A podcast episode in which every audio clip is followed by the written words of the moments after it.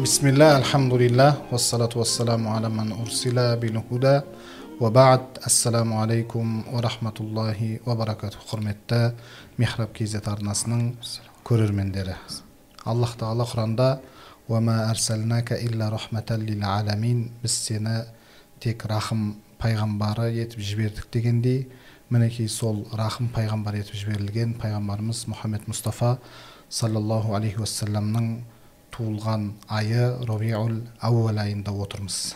Және де біздің бүгінгі көтеретін тақырыбымыз ә, бүгінгі айтатын мәселелеріміз де осы пайғамбарымыз саллаллаху алейхи уассаламның ә, туылған күніменен яғни осы мәуліт айыменен ә, ұштаспақ. Сонымен бүгін бізде қонақта қазақстан мұсылмандары діни басқармасы ә, ғұламалар кеңесінің мүшесі және де алматы қаласы алмалы аудандық төле би мешітінің бас имамы ерсін ұстазымыз келіп отыр. Қош келдіңіз ұстаз. Қош көрдік. Ассалаумағалейкум. Сонымен екінші қонағымыз ә, алматы қаласы орталық мешітінің ә, наиб имамы әшімов қасым бауырымыз келіп отыр. Қош келдіңіз қасеке. Қош көрдік. Енді ұстаз бірден ә, сұрақтан бастасақ ә, өзіңізден бастайық. Ә, жалпы сұрағымыз айттық қой жаңа пайғамбарымыз саллаллаху алейхи уассаламның туылған күніменен байланысты деп. Жалпы пайғамбарымыз саллаллаху алейхи уассалам дүниеге келуі жайлы және сол келген кездегі бір ерекше бір ә, бірнеше оқиғалар орын алды ғой. Соның ішінде бір ә, жаңағы мәшһүр риуаят, риуаятпен жеткен ә, сондай бір оқиғаны айтып берсеңіз. Альхамдулиллах уассалату уассаламу аля расулиллах әмма бад ассаламу алейкум рахматуллахи ва баракатух баршаңызға кіріп келген раби ауал пайғамбарымыз саллаллаху алейхи уассалам дүниеге келген мәуліт айы құтты берекелі болсын алла тағала баршамызға пайғамбарымыз саллаллаху алейхи уассаламның шапағатын нәсіп етсін пайғамбарымыз саллаллаху алейхи уассаламның дүниеге келуі бұл сондай бір мұсылмандар үшін қуаныш мұсылмандар үшін енді алла тағаланың берген үлкен нығметі болып табылады. Өйткені қазір аятта айтылғандай уама уа мұхаммад біз сені әлемдерге рақым мейірім етіп жібердік дейді. Сол рақым пайғамбарының мейірімділік пайғамбарының соңғы пайғамбардың осы дүниеге келуі, келуі ауал айында көрініс тапқан. Ә, және жалпы ә, пайғамбарымыз саллаллаху алейхи уассаламның дүниеге келген кезінде түрлі құбылыстар ә, болды деген риуаяттар бар. Ә, сира кітаптарында келеді.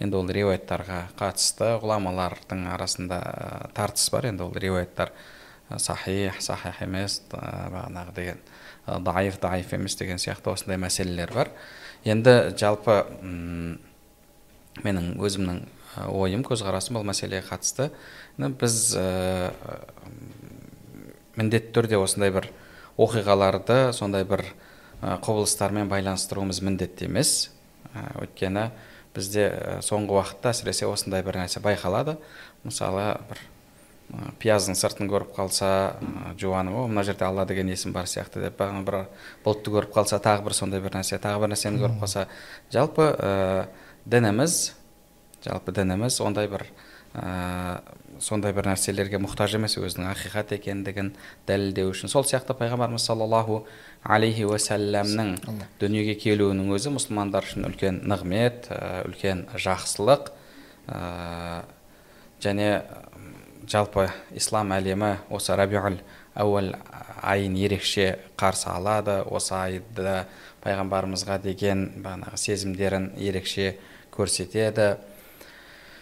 Сол үшін де енді менің өзім ойым ондай бір риуаяттарға ә, байлану ә, соның сахих екенін бір дәлелдеп шығуға әрекет ету енді бір қатты қажет емес дүние деп есептеймін. Бірақ жалпы сира кітаптарында әлгі ә, парсылардың қанша жыл, жылдан бері жанып тұрған оты сөніп қалды тағы бір ә, бір жерде бағана үстін құлады тағы бір жерде тағы бір нәрсе болды деген сияқты осындай бір риуаяттар бар. Енді ол риуаяттардың ә, дәрежесін ә, иснадын бір қатты өзім оқып ә, соны зерттеген ғұламалардың көзқарастарын бір егжейлі тегжейлі қараған емеспін. Бірақ кейбір мұхаддис ғұламалардың сол риуаяттарды дайфқа шығарып жатқандарын да ә, естігенмін оқығанмын. Сол себепті енді кішкене бұл мәселеде мен өзім енді қатты кіріспеймін.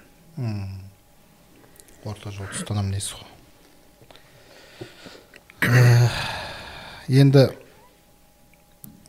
ма? Жауабыңыз бітті ма? Бітті. Бүгін шынымен қысқа қайрайын деп айтты қысқа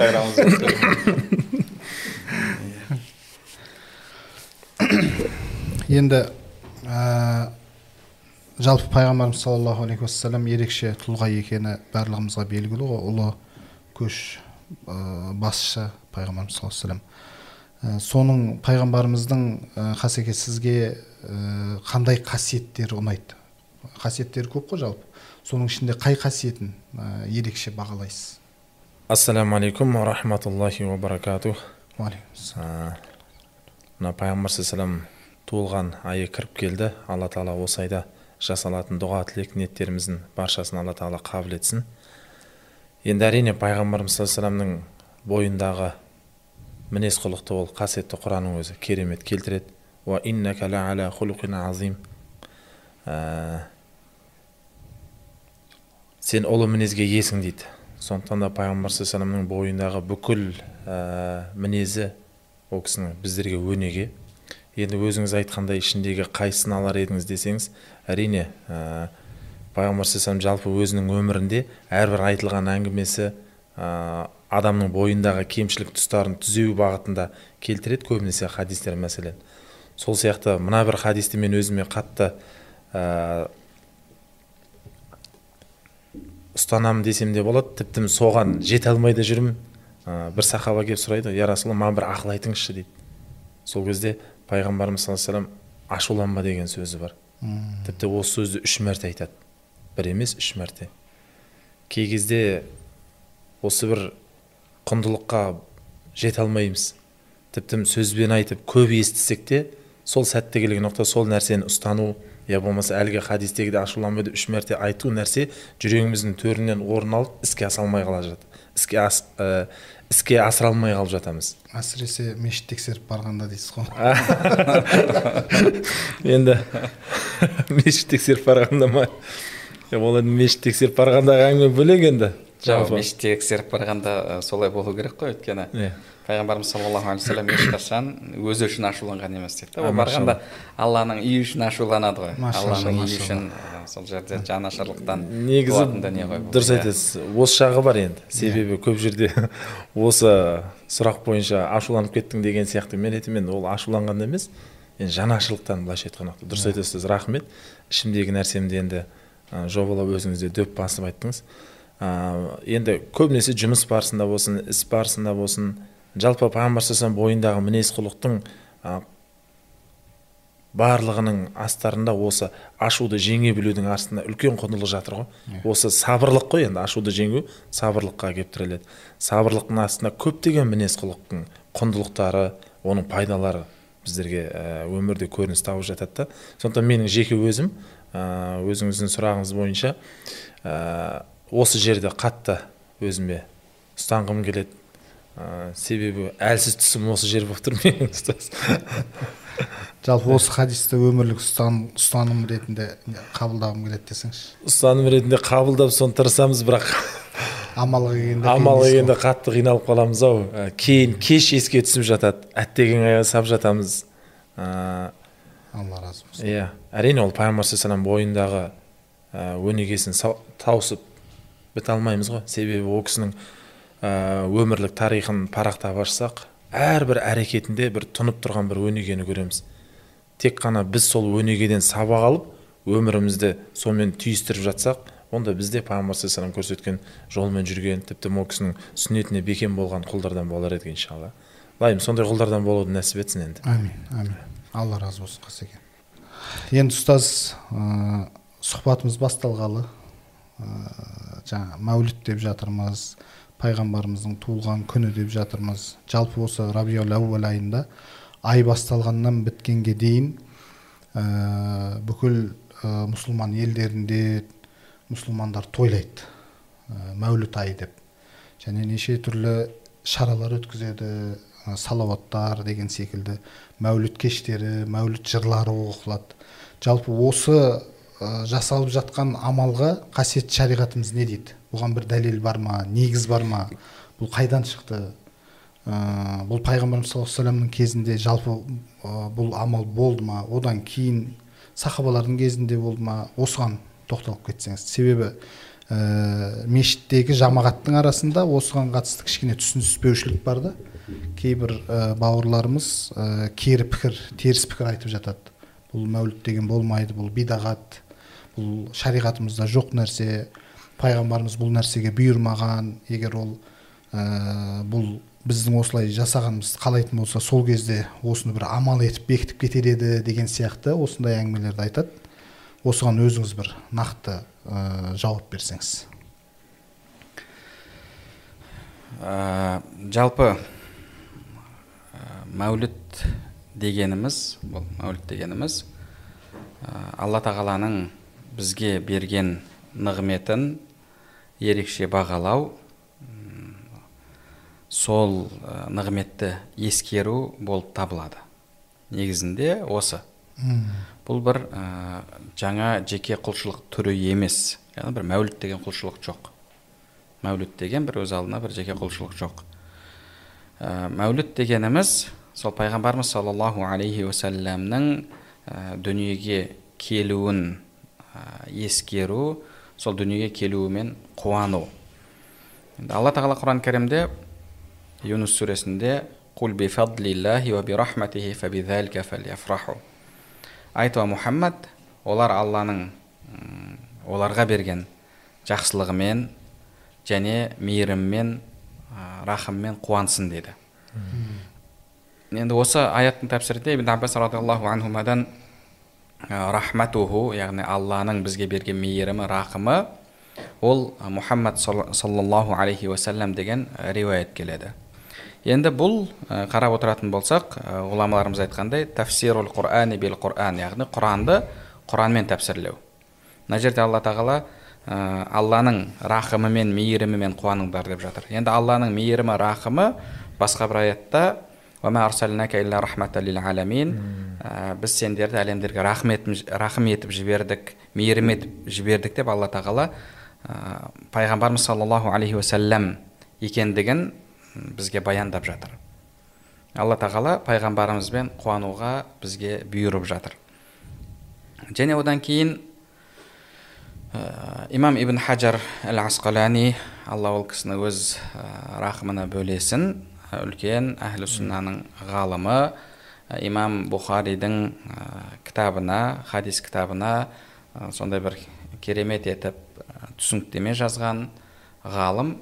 Сол кісі пайғамбарымыз саллаллаху алейхи уассаламның мына хадисін ә, шарықтайды. Әлгі фатхал бәри деген кітабында. Пайғамбарымыз саллаллаху алейхи уассалам мәдинаға келген кезде ә, мәдиналық яхудилер белгілі бір күнде ораза ұстайтын. Пайғамбарымыз саллаллаху алейхи уассалам оразаның себебін олардан сұраған кезде олар ә, бұл күні алла тағала муса алейхиссаламды және оның қауымын ә, бәни исраил ұрпақтарын бәни исраилді яғни исраил ұрпақтарын ферғауыннан ә, және оның әскерінен құтқарған күн біз соның шүкіршілігін өтейміз. Сол себепті осы күні ораза тұтамыз деді. Сонда пайғамбарымыз саллаллаху алейхи уассалам нахну ахаққу би муса біз осы күннің шүкіршілігін Ә, өтеуге лайығырақпыз.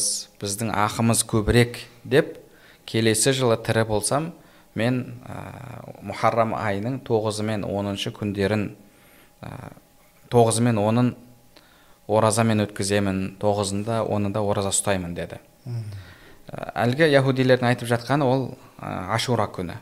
Бізде ашура оразасы бар. Мұхаррам айының оныншы күні ә, алла тағала перғауыннан ә, мусаны оның қауымын құтқарған күн.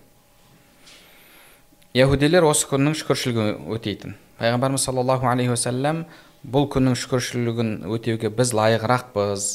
Мұса бізге жақынырақ деп ә, және одан кейін яхудилерге ұқсап қалмайық деп тоғызыншы мұхаррам айын тоғызыншы күнін мұхаррам айының тағы да қосып бізге ораза етіп бекітті сол үшін де мұсылмандар мұхаррам айының тоғызыншы оныншы күндері ораза ұстайды тоғызында ұстай алмаған адам оны он бір етіп екі күн ораза ұстайды бұл оразаның шығу себебін қарайтын болсақ бұл оразаның жалпы себебін қарайтын болсақ не үшін деп іздестірсек бұл күні алла тағала муса алейхисаламды перғауыннан құтқарған күн екен. Имам ибн хаджар асқалани айтады бұл хадистен біз алла тағала мұсылмандарға белгілі бір күнде нығметін жіберген болса немесе бір жамандықтан пәледен құтқарған болса ә, бағанағы не дейді оны араб тілде? Дафун никма дейді. Яғни бір жамандықтан құтқарған болса ирсалу ниама немесе дафун ниама дейді. Ә, сол күнге шүкіршілік етудің дінде негізі бар екендігін түсінеміз дейді. Дінде негізі бар екендігін осыдан түсінеміз дейді. Және пайғамбарымыз саллаллаху алейхи уассаламның дүниеге келуін атап өтуге осы хадис негіз болады дейді. Бұны айтып жатқан кім?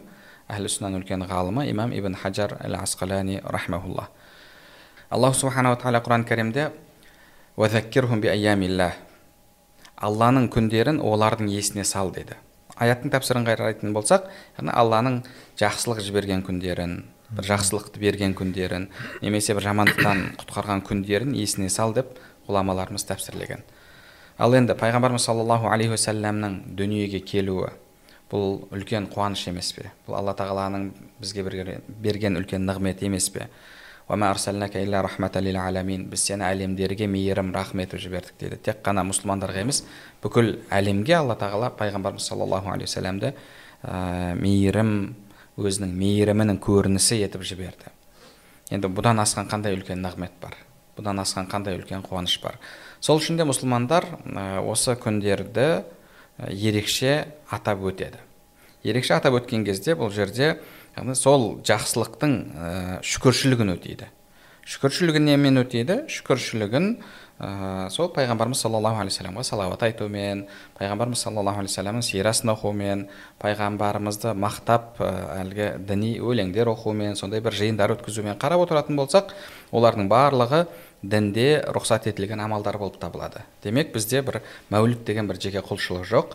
Мәуліт деген ол бағанағы құрбан айт және ораза айтпен бірге қатар үшінші бір айт емес. Кейбіреулер айтып жатқандай бізге алла тағала тек қана екі мерекені берген берді дейтіндей. Бұл алла тағаланың бізге берген шүкіршілігінің ә, нығметінің ә, ақысын өтеу сол шүкіршілігін өтеу. Алла тағаланың бізге берген жақсылығының нығметінің шүкіршілігін өтеу болып табылады. Ал енді кейбіреулер шариғатқа сай ә, емес түрде шариғатқа қайшы түрде атап жатса онда ол бөлек мәселе. Онда ол бөлек мәселе. Кейбіреулер онда мәуліттерде мына әсіресе араб шейхтардың сол осы мәулітке қарсы пәтуаларын оқитын болсаң ол жерде ихтилат болады ол жерде мынандай болады мынандай болады деген әңгімені айтады. Яғни әйелдер мен еркектер араласады шариғатқа қайшы деген сияқты. Бұл енді бөлек мәселе. Мысалы ә, ешкім айтпайды ғой үйленген кезде той жасау харам деп. Дұрыс па? Той жасау. Дінімізде рұқсат етілген амал керісінше никах некені жариялау дініміз бұйырған амал болып табылады ал енді біреу енді сол ә, тойды арақпен өткізіп жатса әлгі жарты жалаңаштармен билеп секіріп өткізіп жатса біз той өткізу харам деп айтпаймыз ғой тойды осылай өткізу харам деп айтамыз сол сияқты мәуліт мәселесінде де егер ә, кез келген тіпті айт мерекесінің өзін шариғатта бекітілген айт мерекесінің өзін біреулер харам жолмен өткізіп жатса біз оған айтамыз мына ісің дұрыс емес деп. Сол үшін де екеуін екі бөлек ажыратып қарау керек. Екі бөлек ажыратып қарау керек. Ә, енді кейбіреулер бұлар пайғамбар пайғамбарға мәуліт оқиды мәуліт оқыған кезде оның рухы келеді деп есептейді анау мынау деген сияқты осындай бір нәрселерді айтып жатады. Негізінде әлгі мәуліт оқыған кезде махалул қиям деген мәселе бар енді. Мәуліт оқылады ғой көптеген елдерде пайғамбарымызға. Енді мәуліт дегеніне бұл жерде қарап отыратын болсақ пайғамбарымыз саллаллаху алейхи уассаламның өмірбаяны қалай дүниеге келгені оның ар жағындағы шежіресі одан кейін туылған кезде не болды туылғаннан кейін қалай өсті осы мәселелер араб тілінде жырланады енді қазір бізде оны қазақшалап жатыр. Қазақшалап ә, соның мағынасын аударып жатыр. Демек бұл жерде шариғатқа қайшы келетін ешнәрсе жоқ ол сира. Енді ішінде махалюл қиям деген жер бар. Махалюл қиям яғни тұрады. Ә, тұру қай жеріне келеді? Пайғамбар дүниеге келді деген кезде адамдар тұрады. Құрметпен иә. Бұны ә, ғұламаларымыз түсіндірген кезде адам мысалы бір қуанышты хабарды естіген кезде отырған болса қуаныш қуаныштан әлгі сезімге берілгендіктен орнынан тұрып кетеді. Бұл жерде солай бағана бір өзінің қуанышын ә, білдіру деп ғұламаларымыз түсіндіреді. Бұл жерде пайғамбарымыздың рухы келеді. Рухы келген кезде сол үшін мұсылмандар тұрады деген ондай бір ә, түсінік жоқ. Ә, бұл нәрсені де осы жерде айтып кету керек. Демек ә, мәуліт дегеніміз бұл бір жеке құлшылық түрі емес. Ә, дінімізде негізі бар алла тағаланың белгілі бір күнде жақсылық берген болса соның шүкіршілігін өтеу деген амалдың аясына кіреді мәуліт. Одан кейін ә, мына бір нәрсені біз жақсы түсініп алуымыз керек. Жалпы қияметке дейін болатын орын алатын пайда болатын іс әрекеттердің ә, барлығының шариғатта үкімі бар. Шариғатта үкімі бар. Шариғатта үкімі жоқ еш нәрсе жоқ. Дем, ә, ол қандай салаға байланысты болсын. Адамның өміріндегі кез келген нәрсенің шариғатта үкімі бар. Жаңа бір нәрсе пайда болса ғұламаларымыз қарайды да оның үкімін береді. Бұл рұқсат рұқсат емес халал харам деп ә, пәтуасын шығарады. Сол сияқты ә, мәуліт мерекесі тойланып басталған кезде ол пайғамбарымыздың кезінде тойланған жоқ ә, және сахабалардың табиандардың кезінде тойланған жоқ одан кейінірек орын алды. Одан кейін кейінірек орын алды. Ә, осы үрдіс қалыптасқан кезде ғұламаларымыз оған қарады да оны шариғат таразысына салды сөйтіп үкімін шығарды. Өйткені шариғатта кез келген нәрсенің үкімі бар ғой. Біз пайда болған нәрсенің бәрін бидғат бидғат деп айтпаймыз ғой. Оған қараймыз шариғатта үкімі қандай екен бізде жеті үкім бар. Ханафи мазхабында сонымен шариғат тарасына салған кезде үкімнің біреуі шығады. Ол амал не парыз болады не уәжіп болады не харам болады не макрух болады ә, не ә, мубах болады деген сияқты осылай үкім беріледі. Мәуліт мәселесі де тура сондай. Одан кейін ә, оны бірінші болып мысалы бағана фатимиттер істеген деді. Жақсы фатимиттер істеген болса ә, ашура оразасын яхудилер тұтып жатыр еді ғой. Yeah. пайғамбарымыз саллаллаху алейхи уассалам ә, біз соған лайығырақпыз деп ә, сол нәрсені алды сол сияқты ғұламаларымыз фатимиттер ә, мәулітті тойлай бастаған кезде әхлі сүнна ғұламалары оған қарады да ә, оның бағанағы енді олардың өздерінің бір ақидасы болар оған қатысты басқа мәселелер болар оның бәрін ә, шетке ысырып негізгі мәселені алды да шариғатта негізі бар сөйтіп ары қарай ол бүкіл ислам әлемінде ә, кеңінен тарап мұсылмандар әр жылы рабиул ауал айында пайғамбарымызды көптеп еске алады пайғамбарымыз саллаллаху алейхи вассаламға салауаттар айтады. Одан кейін тағы мынандай бір нәрсені біз ә, ескеруіміз керек.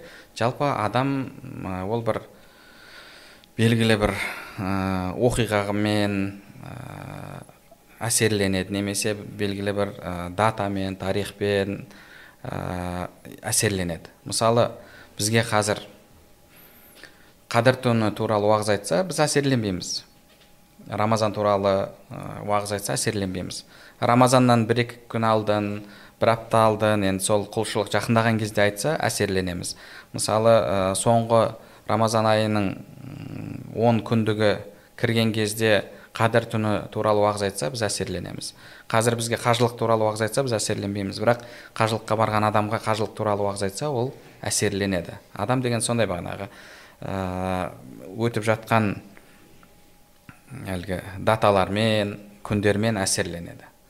Енді рабиул ауал айында пайғамбарымыз саллаллаху алейхи дүниеге келген. Сол үшін де бұл уақытта адам осы пайғамбарымыз жайында айтылған кезде пайғамбарымыз саллаллаху алейхи вассалам сирасы айтылған кезде онымен қатты әсерленеді. Шейх бута рахимахуллахтың бір уағызында айтқаны бар ғой. Сен ә, мысалы бір оқиға орын алған бір жерде сен өзің әкеңмен бірге болғансың әкең бақилық болып кеткен мысал ретінде. Сол жерден өтіп жатсаң әкеңді есіңе аласың. Ә, мысалы бағанағы әйеліңмен танысып бірінші кездескен кафені көрсең мысалы ә, сол сол ә, оқиға немесе сол күнің есіңе түседі деген сияқты адамда бір сондай бір ностальгия болады ал енді пайғамбарымыз саллаллаху алейхи уассалам дүниеге келген ә, айға кірген кезде қалай сен онымен әсерленбейсің қалай оның саған бір жақсы әсері болмайды деп айтқан сөз бар. Сол сияқты бұл жерде яғни осы айды тиімді пайдалану пайғамбарымыз саллаллаху алейхи вассаламды көбірек насихаттау бұл жерде осы мәселе. Ешқандай бір ә, жаңа құлшылық түрі жоқ ә, және ол ә, бір айтпен қатар бір үшінші айт емес. Бұл сол ә, пайғамбарымыз саллаллаху алейхи уассалам дүниеге келгені одан кейін исра кешесінде мысалы исра ми'раж жайында айтамыз тағы басқа да бір оқиғалар болған кезде ә, соған мән беріледі. Тура солай бұл жерде де ә, мән беріледі. Пайғамбарымыздың ә, дүниеге келуін айында пайғамбарымызға көбірек мән беріледі. Имам ибн баттал деген ә, тағы да бір үлкен әхлі ғалым бар. Ол да ә, имам бұхаридің кітабын шарықтаған. Сол кісінің мынандай айтқан сөзі бар. Әр жылы рабиул ауал айында пайғамбарымыздың дүниеге келуімен мұсылмандар қуанады және жүрегінде дерті барлар ғана ә, бұл айда қайғырып мұсылмандардың қуануына қарсы шығады деген сондай сөз бар. Сол үшін қарап отыратын болсақ бұл бүкіл әлемде болып жатқан мұсылмандардың арасындағы үрдіс. Белгілі бір топтар ғана бұған қарсы шығады. Белгілі бір топтар ғана қарсы шығады. Болмасам әхлі имамдарының ешқайсысы, ешқайсысы бұған қарсы шығып оны бидғат деген емес абдулла ибн масуд радиаллаху анхудың жақсы сөзі бар. Мұсылмандардың жақсы деп тапқан нәрсені ал жақсы деп тапқан нәрсесі алланың құзырында жақсы болып табылады дейді. Ә, жақсы болып есептеледі дейді. Ал енді қарап отыратын болсақ мұсылмандардың басым көпшілігі ә, осы ә, мәуліт айын ерекше өткізуді жақсы амал деп тапты және бұл қанша ғасырлардан бері жалғасып келе жатқан үрдіс. Алла разы болсын ұстаз. Машалла. Жақында анау кім? Бейсенәлі олжас деген бауырымыз бар ғой.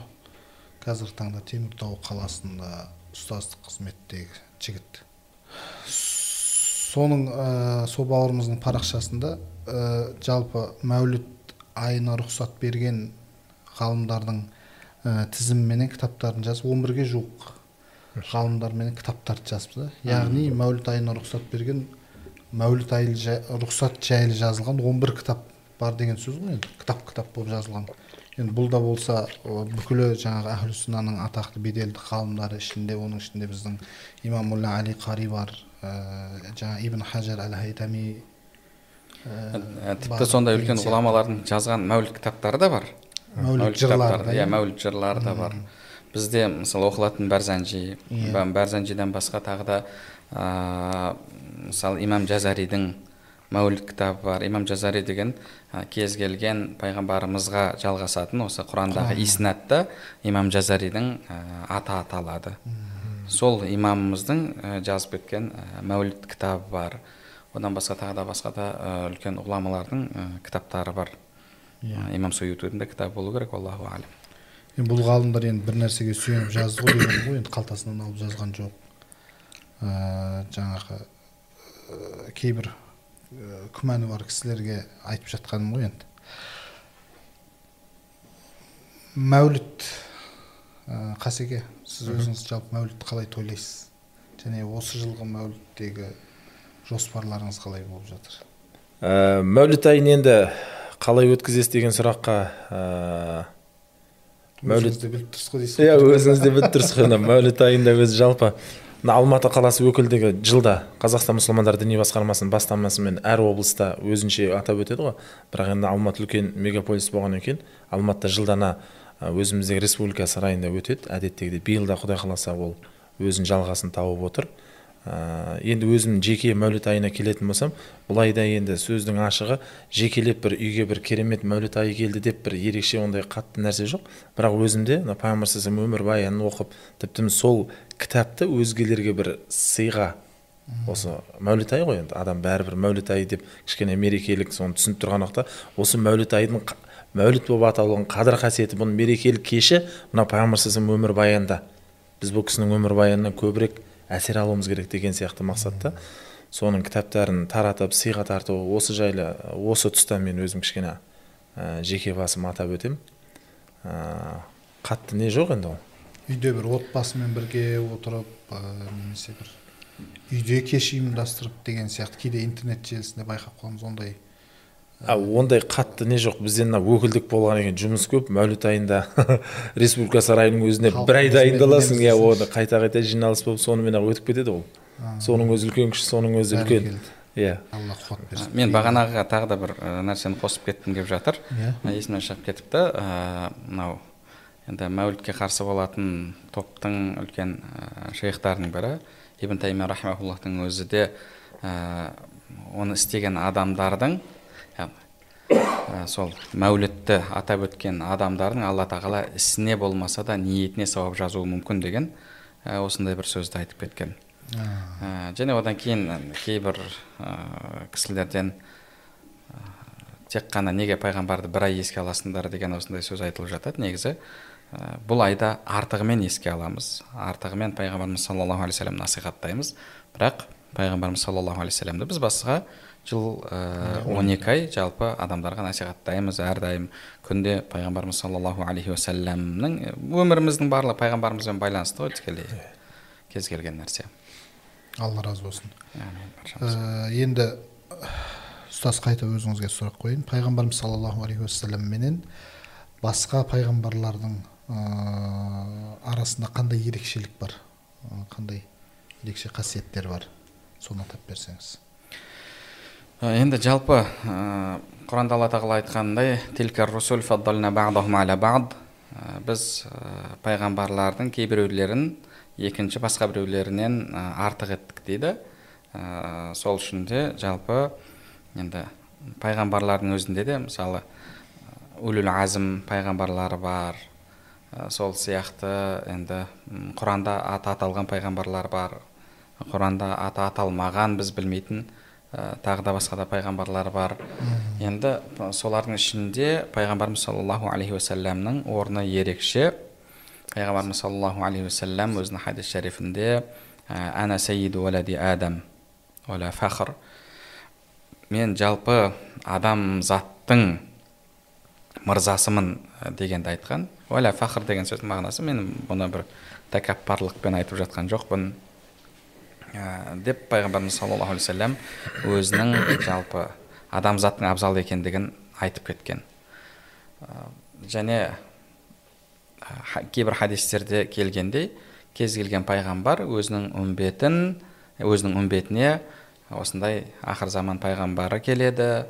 Егер сол пайғамбарды кездестірсеңдер соған иман келтіріңдер сол пайғамбардың заманында болсаңдар артынан еріңдер деп айтып кеткендігі де келеді.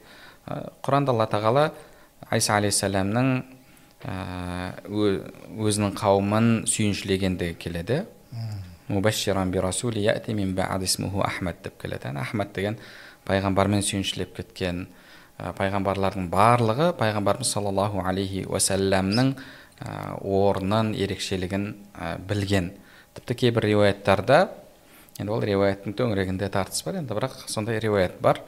Адам алейхиссалам қателік жасап қойғаннан кейін пайғамбарымыз саллаллаху алейхи уассаламмен тәуәссүл жасап алла тағала күнәсін кешірді дегенде риуаяттар бар. Ә, жәннатта әлгі ля иляха илlallah мұхаммад расулулла дегенді дегенді көріп пайғамбар бұл адамның аты алланың есімімен бірге тұрса демек оның орны ерекше ғой деп пайғамбарымыз саллаллаху алейхи уассаламмен тәуәссүл жасады. Сол себепті ә, күнәсі кешірілді деген риуаяттар бар. Және пайғамбарымыз саллаллаху алейхи уассалам исра миғраж кешесінде де ә, бүкіл пайғамбарларға имам болып намаз оқығандығы жайында риуаяттар бар. Қарап отыратын болсақ осылардың барлығы да пайғамбарымыз саллаллаху алейхи уассаламның артықшылығын білдіреді. Пайғамбарымыз саллаллаху алейхи уассалам тағы бір хадисінде мен басқа пайғамбарлардан ә, бес нәрсемен тағы бір риуаяттарда алты нәрсемен артық етілдім деген риуаяттар бар. Сол жерде де пайғамбарымыз саллаллаху алейхи вассалам өзінің басқа пайғамбарлардан ә, орнының ә, жоғары екендігін биік екендігін бізге ә, айтып кеткен. Ә, соның ішінде мысалы арду алдыңғы пайғамбарларда олардың шариғатында жалпы барлық пайғамбарлардың шақырған діні бір дін ол ислам діні. Ислам. Алланың құзырында қабыл болған алланың құзырындағы дін бұл ислам діні. Шариғат әртүрлі болған. Демек пайғамбарлардың ешқайсысы бір басқа атаулармен қазіргі атаулармен белгілі болған діндерге шақырған емес. Насранилық деп немесе басқа тағы да басқа деген сияқты ондай бір діндерге сәбәилік деген сияқты бір діндерге шақырған емес. Барлық пайғамбарлардың діні бір дін ол ислам діні. Шариғаттарында айырмашылық болған. Алдыңғы пайғамбарлардың шариғаттарында ә, құлшылық белгілі бір орында ғана өтетін болған. Белгілі бір орында ғана құлшылықты атқаруға болады. Ал пайғамбарымыз саллаллаху алейхи уассаламның ә, шариғатында алла тағала берген шариғатта не деді? Кез келген жер маған мешіт етілді деді. Кез келген жерде құлшылықты атқаруға болады. Ә, тағы да одан басқа пайғамбарымыз саллаллаху алейхи вассаламға алла тағаланың берген артықшылықтары бар. Енді қасеке өзіңізге пайғамбарымыз саллаллаху алейхи уассаламның ә, жаңағы өмірінен өзіңізге ең жақын бір ерекше оқиғаны атап берсеңіз жаңағы ерекше қасиетін айттыңыз. Енді пайғамбар саллаллаху өміріндегі әрине әрбір сәті біз үшін ғибрат бірінен бірін асып жақсы бірінен бірі кем деп айта алмаймыз бірақ енді бір оқиғасы ә, ол саллаллаху алейхи уассаламның өмірден өтер алдындағы қажылығы яғни соңғы қоштасу құтпасы дейміз жалпы пайғамбар өмірінде бір ақ рет қажылық жасады ә, тіпті муаз ибн жабилға да бұдан кейін келгенде мен қабірімді зиярат қыларсың дегенде ол кісінің өзі де ішінен өмірден өтетінін сезіп қатты қиналған.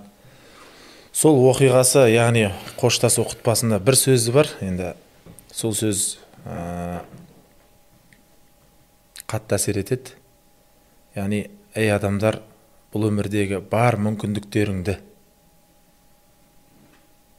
бір сөзбен айтқанда алла разы болатын іске қолданыңдар яғни күшіміз болсын дүниеміз болсын бойымыздағы қабілетіміз болсын енді алла тағала әрбір адамға әртүрлі бір қабілет берген бірінен бірі асып тұрған шығар кейде менмендікке салынып жатамыз бірақ сол берілген қабілеттің сұралатын күнінде ә, сол алла жолында жұмсал, жұмсалып жатса қазір қаншама адамдар бар бар мүмкіндіктерімен тек қана дүниені ғана көздеп ақыреттің азығы болатын алланың разылығына алатын іске келген уақытта қауқарсыздық я, я болмаса ғапылдықта түсіп жатады. Бірақ пайғамбар саллаллаху сол қоштасу құтпатын құтпасында ә, құтпасында қоштасу құтпасында сол ақыретті ойлай отырып біздерге бұл өмірде сынақ екендігін уақытша екендігін ә, бар мүмкіндіктерің деді ғой енді. Сол бізде мүмкіндік көп әркім өзінің ә, дәрежесіндей мүмкіндігіндей алланың разы болатын амалын басқасында жүру керектігі ертең құранда айтқандай шаңның тозаңындай жақсылыққа зәру боламыз. Алла тағала енді сол қияметтің қиын күнінде пайғамбар саллаллаху шапағатында болған құлдардан болуды нәсіп етсін иншалла. Әмин әмин алла разы болсын ә, енді ұстаз жалпы пайғамбарымыз саллаллаху алейхи уассаламның сүннеті деген нәрсе бар бізде. Сол сүннет дегеніміз не? Және пайғамбарымыз жасаған барлық амал әрбір амал сүннетке жата ма? Жалпы сүннет деген сөздің ә, араб тіліндегі мағынасына келетін болсақ ол бір жол дегенді білдіреді. Жол.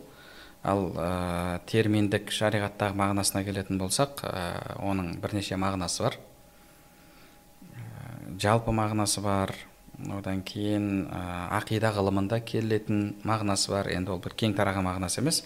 Кейбіреулер ақида деген сөзге де сүнна деген сөзді қолданған.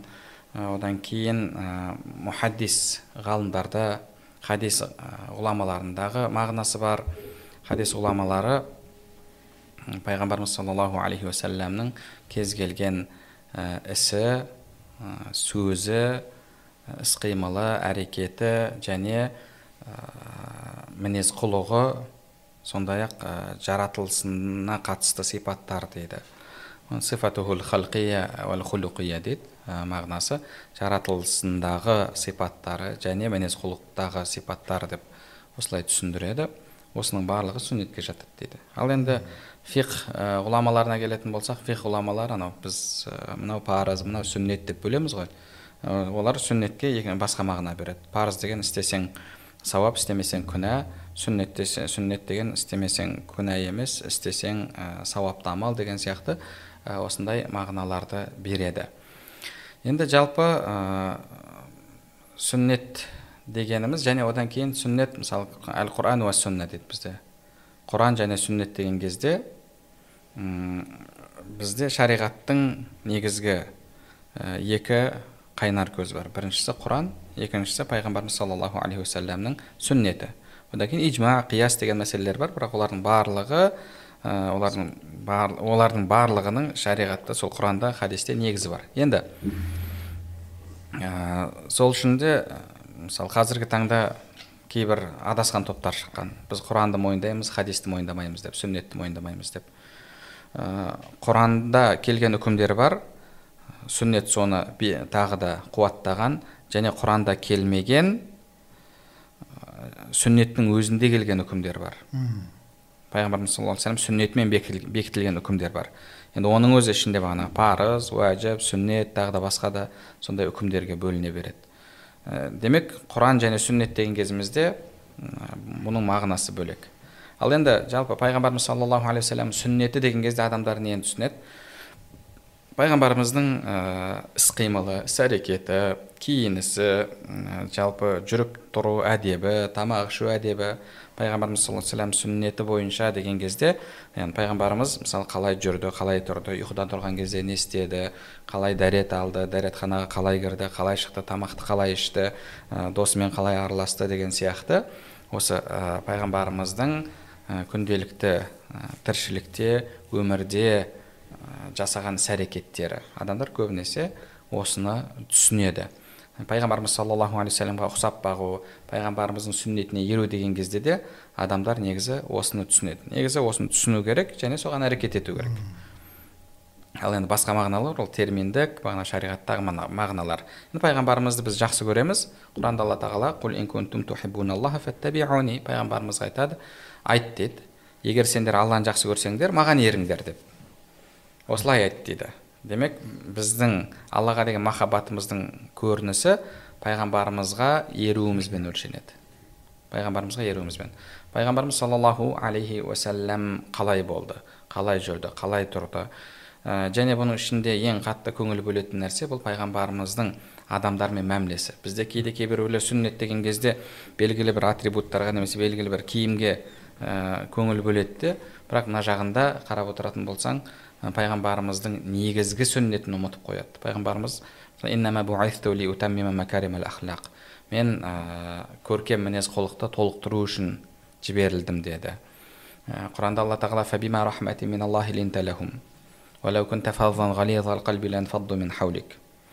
сен алланың саған берген мейіріммен рақымымен олармен жұмсақ болдың. Егер сен дөрекі қатыгез болғаныңда олар сенің жаныңнан тарқап кетер еді қашып кетер еді дейді сахабалар жайында мұсылмандар жайында адамдар пайғамбарымыз саллаллаху алейхи вассаламның ә, мінезіне ақлағына ғашық болатын.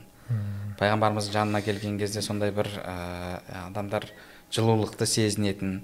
Ал бізде қазір ә, сүннет дегенді белгілі бір нәрселермен шектеп қойғанда бірақ мына жағында негізгі сүннетінде ақлағында ақсап жатамыз. Бұл негізі үлкен бір ә, кемшілік болып табылады. Сол үшін де пайғамбарымыздың сүннетіне еру деген пайғамбарымызды өмірімізде үлгі ету. Сендерге алланың елшісінде көркем үлгі бар деп жатыр. Алла тағала. Демек біз пайғамбарымыз саллаллаху алейхи уассаламды пайғамбарымыздың мінезін ақлақын адамдармен қарым қатынасын басшылыққа алуымыз керек. Осы пайғамбарымыз саллаллаху алейхи вассаламның сүннетіне еру. Ал енді ә, барлық нәрсе пайғамбар пайғамбарымыздың істеген нәрсесінің барлығы сүннет пе дейтін болсақ ә, пайғамбарымыз саллаллаху алейхи уассаламның істерінің мысалы істерінде егер шариғаттық сипат байқалатын болса онда ол сүннет болып ә, табылады. Ал енді кейбір іс әрекеттері бар. Кейбір іс әрекеттері ол адам ретінде істеген іс әрекеттері бар. Адам ретінде істеген іс әрекеттері бар. Ә, оны хадис ғұламалар пайғамбарымыз саллаллаху алейхи вассалам былай істеді былай істеді деп хадистерінде келтірген кезде ол сол тұрғыдан сүннет болып кетеді. Ал бірақ ә, біз соған еруіміз керек пе соны ұстануымыз керек пе деген мәселе келген кезде оны сорттаған кезде ол бағанағы әфалухул жибилия деп келеді. Сол фих кітаптарында басқа кітаптарда солай ә, түсіндіреді. Яғни адам ретінде ә, істеген іс әрекеттері. Ол жерде бір шариғаттық сипат жоқ. Шариғаттық сипат жоқ мәселелер. Ә, киім кешекті айтуға бола ма мысалы? Кейбір ә, жалпы пайғамбарымыз саллаллаху алейхи вассаламның киімге қатысты айтып кеткен мысалы мынаны киіңдер мынаны кимеңдер былай жүріңдер былай тұрыңдар деген ә, сөздері бар. Оны сүннет ретінде қабылдаймыз. Ал енді өзінің киген киімі. Пайғамбарымыз саллаллаху алейхи уассалам елінен ерекшеленіп бір киім киді ме? Белгілі бір киім формасын бізге мынау менің сүннетім деп ә, қалыптастырып кетті ме? Егер пайғамбарымыз саллаллаху алейхи уассалам хадистерін оқитын болсақ ондай нәрсені таппаймыз? Пайғамбарымыз саллаллаху алейхи вассалам елден ерекшеленіп белгілі бір киім үлгісін қалдырған жоқ. Мысалы қазір кейбір дін өкілдерінде бар ғой белгілі бір киімдер. Сол сияқты пайғамбарымыз саллаллаху алейхи вассалам өзіне бір киім тіктіріп ерекше формамен ә, сөйтіп елден ерекшеленіп ондай киім киген жоқ. Пайғамбарымыз ә, киген сәлденің түрлері бар. Мысалы тамақтың астынан болсын артынан түсіріп болсын оны қарайтын болсақ ә, жалпы арабтарда ол киім болған. Арабтарда ол киім болған. Бірақ енді сонда да енді ә, сәлдеге қатысты ғұламалардың өзінің жеке көзқарастары бар. Ә, кейбір ғұламалар сәлдеге сүннет деген көзқарасты айтады. Ә, жалпы бұл жердегі ереже пайғамбарымыз саллаллаху алейхи белгілі бір форманы бізге міне мынау менің сүннет формам осыны киіңдер деп ә, қалдырып кеткен жоқ. Пайғамбарымыз саллаллаху алейхи вассалам келген киген киімдерін қарайтын болсаңыз мысалы изар рида деп киінді. Изар рида деген яғни асты бөлек үсті бөлек киімдер болды. Және ә, киіп алатын қазіргі арабтардың ұзын киімі мысалы ондай ә, киімі де болды. Пайғамбарымызға мысалы йеменнен біреулер шапан сыйлады пайғамбарымыз саллаллаху оны киді. Тағы басқа жақтан тағы бір сыйлықтар келген кезде пайғамбарымыз саллаллаху вассалам оны да киді. Бұл біздің форма емес деген жоқ. Сол үшін де жалпы ә, шариғатта киімнің үлгісі бекітілген. Яғни мынау халал мынау харам. Мысалы әйелдерге қатысты. Ә, олар әйелдерге қатысты мынандай мынандай киімді киюге болмайды әуреті мынандай деген секілді. Ал ар жағы мүбах амал болып табылады. Сол сияқты ер адамдарға да қатысты белгілі шариғаттың талаптары бар. Сол талаптар сақталатын болса ар жағындағы оның формасы басқасы ол ол нәрседе жалпы кеңшілік бар дінімізде. Жаңағы енді айттыңыз ғой ұстаз шариғаттың өзінің қойған жаңағы киімге қатысты талаптары бар. Ә, сол талаптар орындалса оның арғы шеті мубах деп қалдыңыз ғой. Енді сол талаптар нақты қандай талаптар? Жаңағы ә, киімнің ә, әуретті жауып тұруы деген секілді нәрселер ғой дұрыс па? Иә әурет жауып тұруы. мысалы ер адамға қатысты ер адамға қатысты ә, жібек киім киюге болмайды. Оған дінімізде тыйым бар. Одан кейін белгілі бір ә, дін өкілдерінің киіміне ұқсайтын киім болмау керек. Мысалы ретінде әйелге қатысты айтатын болсақ әлгі ә, басқа дін өкілдерінің киетін киімдері бар сыртынан қарайтын болсаң тура шариғаттың талаптары сақталған. Яғни біз хиджаб деп жатамыз ғой әлгі орамал. Әуреті бәрі жабық. Бірақ формасынан оның әлгі белгілі бір ғибадатханада ә, жұмыс істейтін әйел екендігін белгілі бір діннің өкілі екендігін көріп жатасың. монашка сияқты иә. енді ондай киім киюге болмайды. Тура сол сияқты ер адамның да. Мысалы әлгі егер мысалы қап қара киім киіп алса белін буып алатын болса ә, оны көрген адам не деп ойлайды? Ә, мынау бағанағы мынандай бір діннің өкілі екен деп ойлап қалады. Сондай ә, түсінік қалыптастыратын киім болмау керек. Одан кейін ә, шухра деп жатады бізде. Енді бір елден тым ерекшеленіп ә, киінуге болмайды.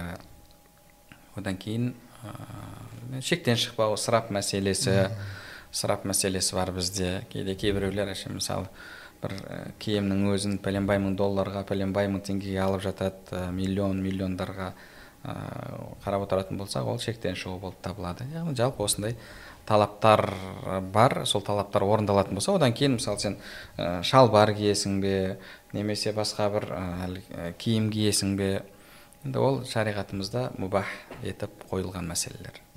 Алла разы болсын ұстаз. Енді сол пайғамбарымыздың сүннет дегеннен шығады ғой қасеке сіз пайғамбарымыздың саллаллаху алейхи уассалам құлшылықты айтпағанда тұрмыс тіршілікте қай сүннетіне көбірек амал қыласыз енді пайғамбарымыз саллаллаху сүннеті көп. Оның әрқайсысына біз құштар болуымыз керек. Ол әрбір сүннет біздің өмірімізге ә, шаттық әкеледі бақыт әкеледі бір сөзбен айтқанда. Бізді тәрбиелейді. Бірақ енді оның бәрін тұтастай ұстау әсте мүмкін емес қой. Пайғамбар хадис бар ғой қолдарынан келгенше дейді. Енді қолымыздан келгенше әр адамның өзінің жаратылысы болады. Ол жаратылыс ар жақ атасына дейін қуып барады қан қуалайды басқа дейді. Бірақ енді мен өзім өмірдегі ұстаным ә, пайғамбар саллаллаху мынау хадисі бар. Ә, тазалық иманның жартысы деген. Осы тазалыққа өте, өте қатты мән беремін.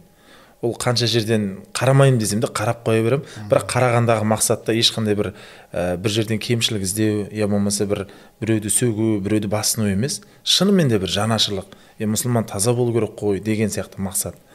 Ә, және ә, пайғамбар хадисі бар. Адам бір істі істегенде кемеліне келтіріп иә нақышына келтіріп соны бір жақсылап істеген іске алла разы болады дейді. Осы тұрғыдан да мен өзім қандай да бір істі істесем соны бір жан тәніммен деп айтайыншы енді. Сол жағына қатты мән беремін енді бәріне бірдей деп айтпаймын кей кезде шаршайтын сәттер болады. Дегенмен де сол іске берілген уақытта өзім жанымды тәнімді беріп құлшынып былайша айтқан уақытта істеймін. Ә, енді кейбір адамдар сондай іске келген уақытта байқалып жатады. Бойындағы бар қабілетін қызғанып ә, қосатын ақылға ақша сұрап жататын сәттер болады. Мен сондайларға кей кезде таң қаламын енді мүмкін ол да өзінің еңбегі шығар деп қосып жүргенсің ба? Өзіне жақсы реклама болып жатыр мен ұқыптымын мен тазамын. Жаман кетті басынан онда жоқ нормально. Болды болды кетті енді ұстаз осы мәулітте мәуліт жыр оқылады сол мәуліт жырының ішінде ә, пайғамбарымыз саллаллаху алейхи уассаламның ә, ата анасын тілге тиек қылып жатады жаңағы анасының әмина екендігін айтып жатады оның жаңағы тоғыз ай ә, тоғыз күн толғатқандығын көрген қиыншылықтарын қалай қайтыс болған өмірден өткен деген сияқты солай жаңағы мәуліт жырына қосып жатады. Ә, енді жаңағы жамағатта кейбір бауырларымыз енді осыған қатысты пайғамбарымыз саллаллаху алейхи уассаламның ата анасына қатысты ә, бұл кісілер пайғамбарлыққа дейін ә, дүниеден өтіп кеткен пайғамбарлықты көрмеген яғни ата анасы мұсылман емес ә, кәпір деген ә, алла сақтасын сондай ауыр сөздерді айтып жатады. Осыған не дейсіз? Енді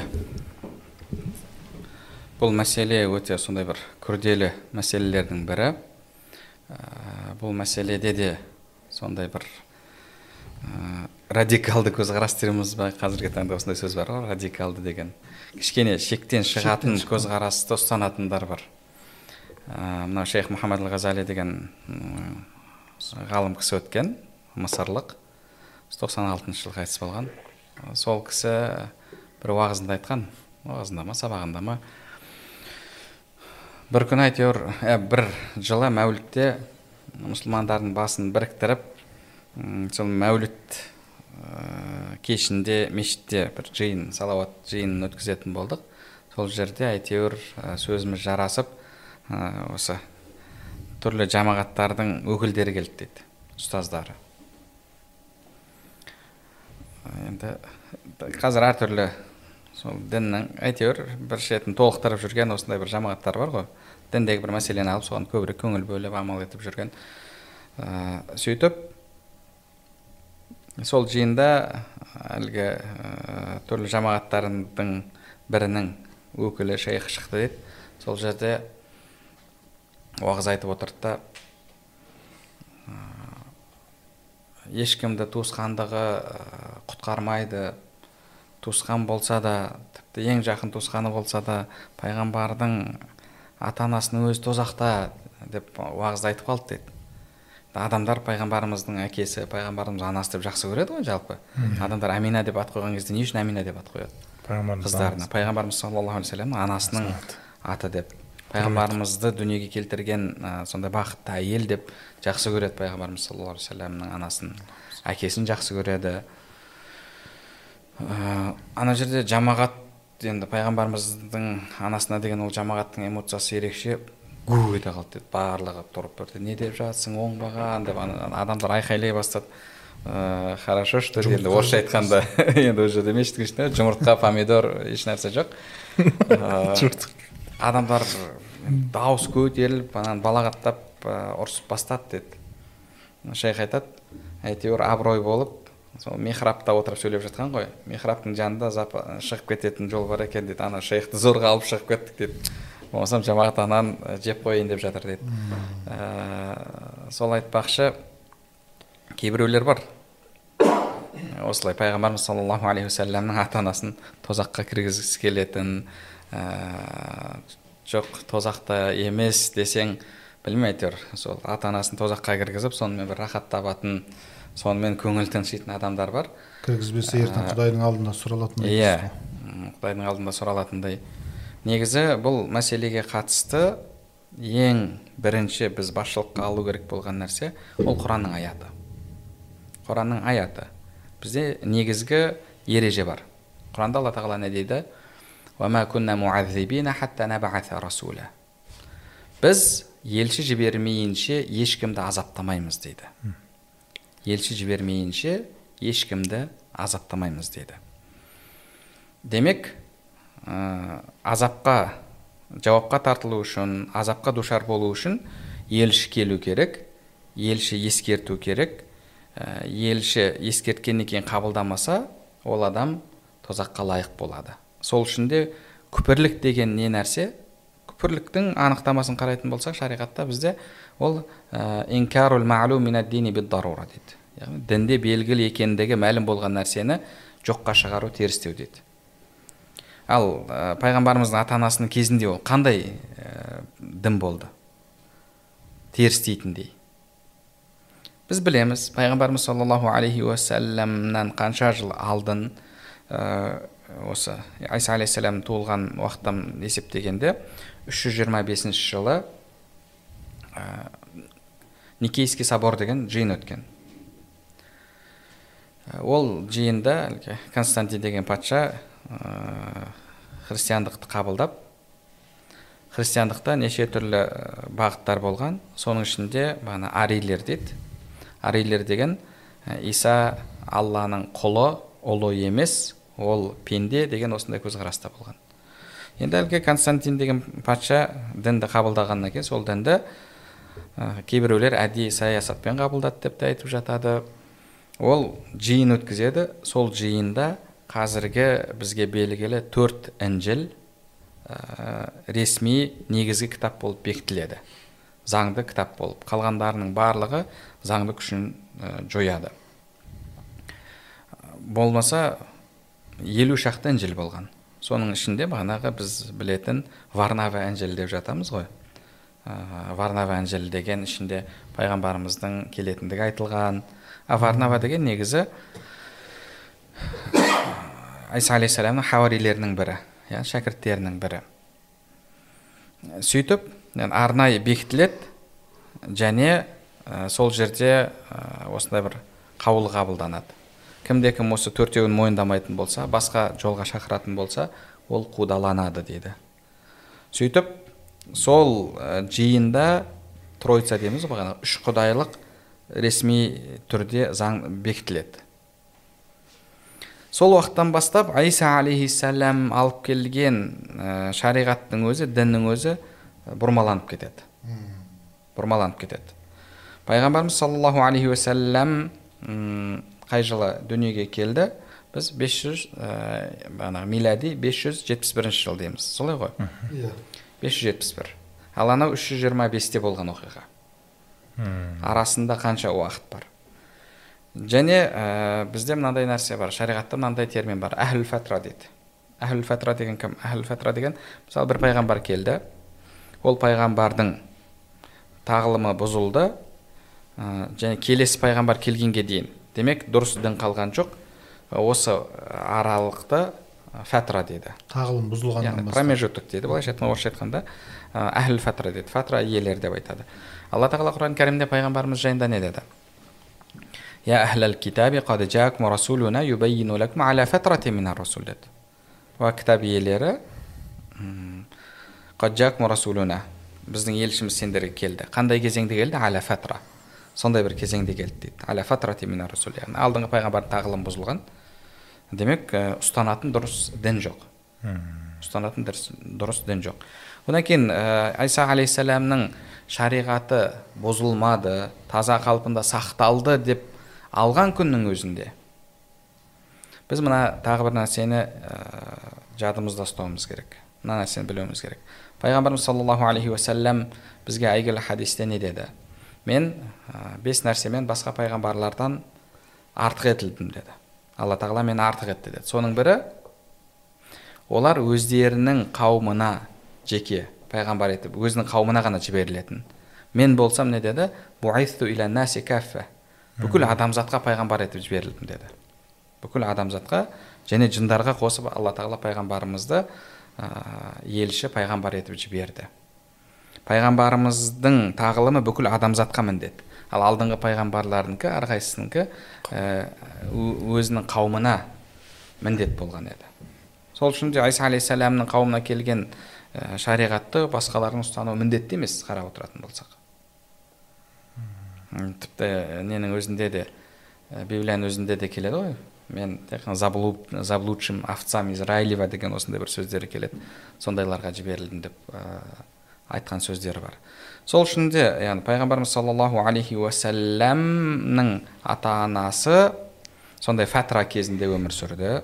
Және одан кейін оларға елші жіберілген жоқ. Құранда алла тағала көп жерде айтады ғой пайғамбарымызға.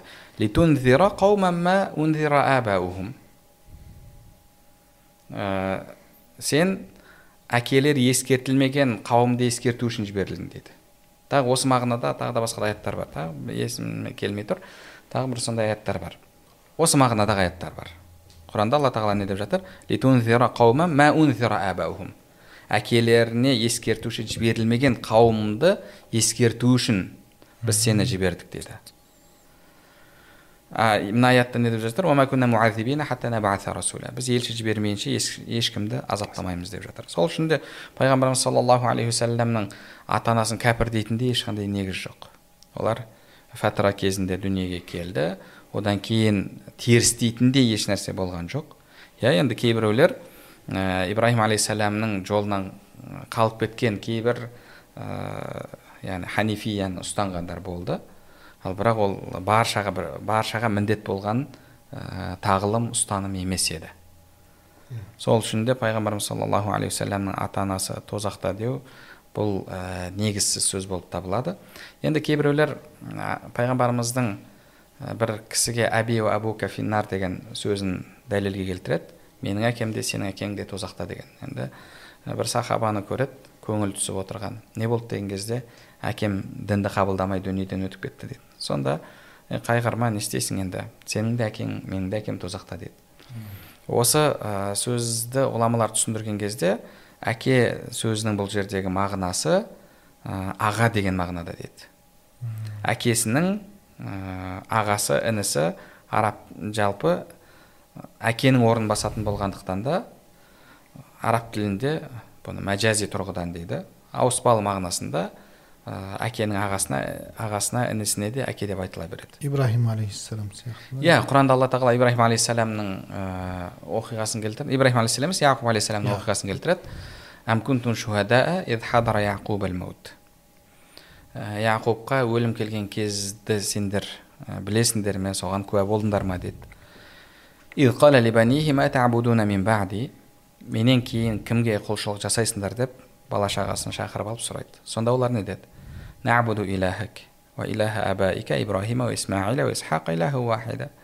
Біз сенің раббыңа ә, сенің әкелерің ибраһим исмаил исхақтардың раббысына құлшылық жасаймыз деді. Енді бұны айтып жатқан кімдер? Яқуб алейхисаламның балалары. Яқуб алейхисаламның әкесі исхақ. Исмаил әкесі емес. Исмаил несі? Ам дейді ғой арабша айтқанда. Бағанағы ә, көкесі. Оңтүстіктің тілімен айтатын болсақ яғни әкесінің ә, ағасы. бірақ ә, алла тағала әкесінің ағасында әбә ика деп әкелердің қатарына кіргізіп жатыр. Әкелердің қатарына кіргізіп жатыр. Сол үшін де бұл жердегі пайғамбарымыздың әби деп жатқаны бұл абу талиб. Өйткені әбу талиб ә, исламды қабылдамай өтті. Пайғамбарымыз пайғамбар болып келді. Амул хузн қайғыру жылы деп аталады ғой. Қайғы жылы деп. Пайғамбарымыз ол жылы әбу талибтен және хадижа анамыздан хадиша анамыздан айырылды. Ә, әбу талиб жанашыр болды. Дінсіз өтіп кеткен кезде пайғамбарымыз қатты қайғырды. Алла тағала сен қалағаныңды иман тура жолға бастай алмайсың. Алла тағала қалаған тура жолға бастайды деген аят түсірді. Сол абу талиб пайғамбарымыз саллаллаху алейхи вассаламның әлгі. Сол абу талиб пайғамбарымыз саллаллаху алейхи вассаламның әкесінің бауыры. Сол үшін де оны пайғамбарымыз саллаллаху алейхи әби деп айтып жатыр. Өйткені бізде мынандай ереже бар. Шариғатта. Бұны енді шариғат оқығандар түсінеді. Ә, жалпы көрерменге кішкене қиындау болатын шығар бірақ сонда да айта кетейік. Әл аслу фил кәламил хақиқа дейді. Ә, бір сөзді біз ә, негізінде шынайы мағынасында алуымыз керек. Егер сөзді тікелей мағынасында алу мүмкін болмаса онда біз оны енді ауыспалы мағынасында аламыз. Ауыспалы мағынасына өтеміз. Екінші мағынасына өтеміз. Балама мағынасы иә балама мағынасында мысалы бағана өлілеріңе ля иляха иллалланы тәлқин жасаңдар дейді. Енді қайтыс болған адамға жасалмайды ол кімге жасалады? Ол өлім аузында жатқан адамға. Ля иляха иллалла деп біз тәлқин жасаймыз жанында отырып. Сол сияқты енді дінде оған ә, мысалдар көп. Ә, енді пайғамбарымыздың әкесі де бұл хадисті тікелей алатын болсақ пайғамбарымыз саллаллаху әкесі фатра кезінде дүниеден өтті. Оларға ешқандай ескертуші келген жоқ. Алла тағала біз ә, елші жібермей ешкімді азаптамаймыз деп жатыр. Сондай діндегі қағидаларға негіздерге қайшы келіп қалады. Сол үшін де оны ауыспалы мағынасында ол хадисті түсіну керек болады. Сол үшін де пайғамбарымыз саллаллаху алейхи уассаламның ата анасы тозақи емес бұл әхлі сүнна жамааның имамдарының ұстанымы алла разы болсын ұстаз алла тағала сауаптан жазсын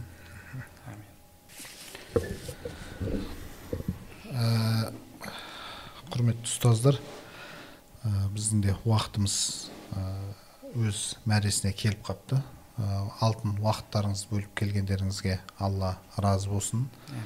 Ә, алла тағала осылай иншалла бізді ә, мәуліттен мәулітке жетіп осындай ә, мәуліт айында көбірек пайғамбарымыз саллаллаху алейхи уассаламға ә, салауат айтып ә, пайғамбарымыз саллаллаху алейхи вассаламды көбірек еске алуды ә, нәсіп қылсын. Ә, біз сіздермен қоштаспаймыз. Алда алла бұйыртса тағы да қонағымыз болыңыздар иншалла.